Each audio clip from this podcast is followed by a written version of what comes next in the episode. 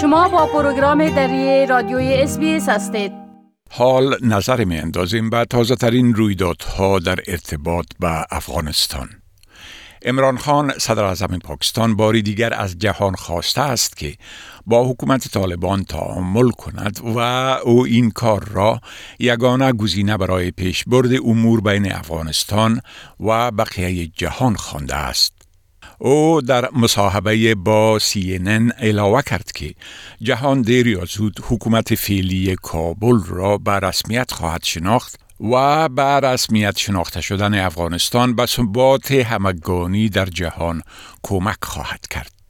امران خان گفت جهان اکنون باید با طالبان کار کند و آنها را برای پذیرش ایجاد حکومت همه شمول رعایت حقوق بشری به خصوص حقوق زنان که خواسته های جهان هستند تشویق کند.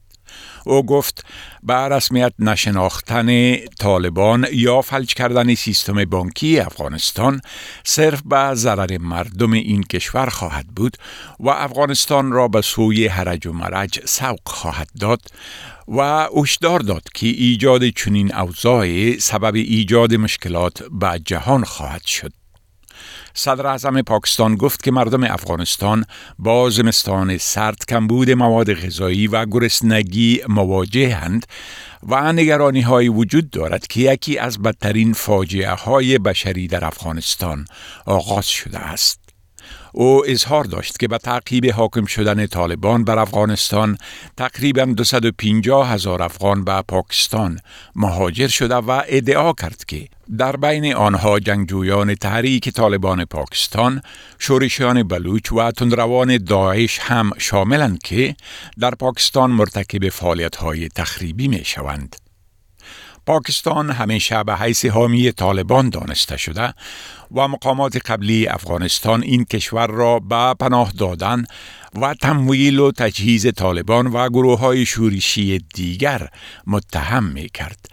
اما پاکستان این ادعا را همواره رد کرده است.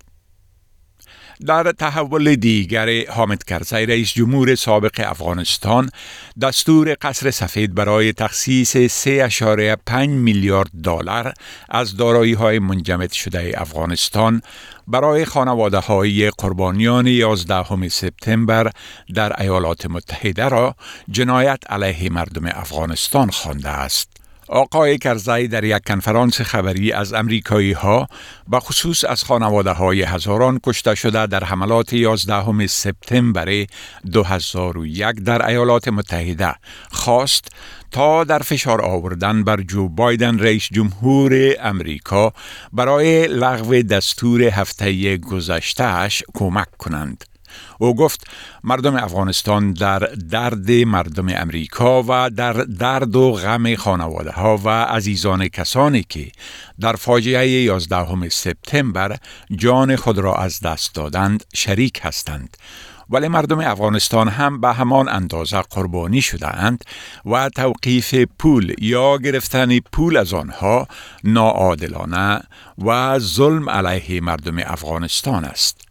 با فرمان رئیس جمهور بایدن که جمعه گذشته امضا شد 7.1 میلیارد دلار از دارایی های افغانستان که در حال حاضر در ایالات متحده نگهداری می شود آزاد گردید تا بین قربانیان 11 سپتامبر و فراهمی کمک های بشردوستانه به افغان ها تقسیم شود.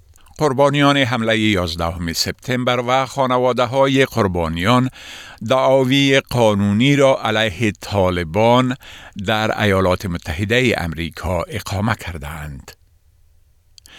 به اساس تحقیقی که توسط سازمان حامی اطفال سیف د چلدرن انجام شده در حال حاضر در حدود یک میلیون طفل در افغانستان مشغول کار هستند.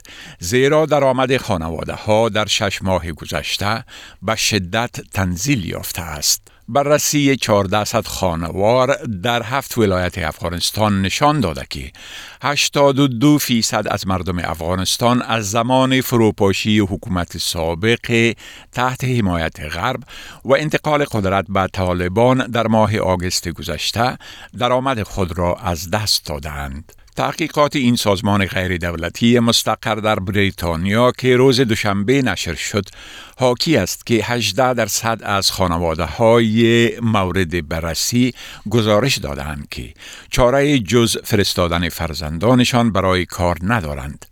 در این گزارش آمده است که بر اساس تحلیل سیو د چلدرن اگر از هر یک از این خانواده ها فقط یک طفل برای کار فرستاده شود بیش از یک میلیون طفل در افغانستان به کار مشغول هستند.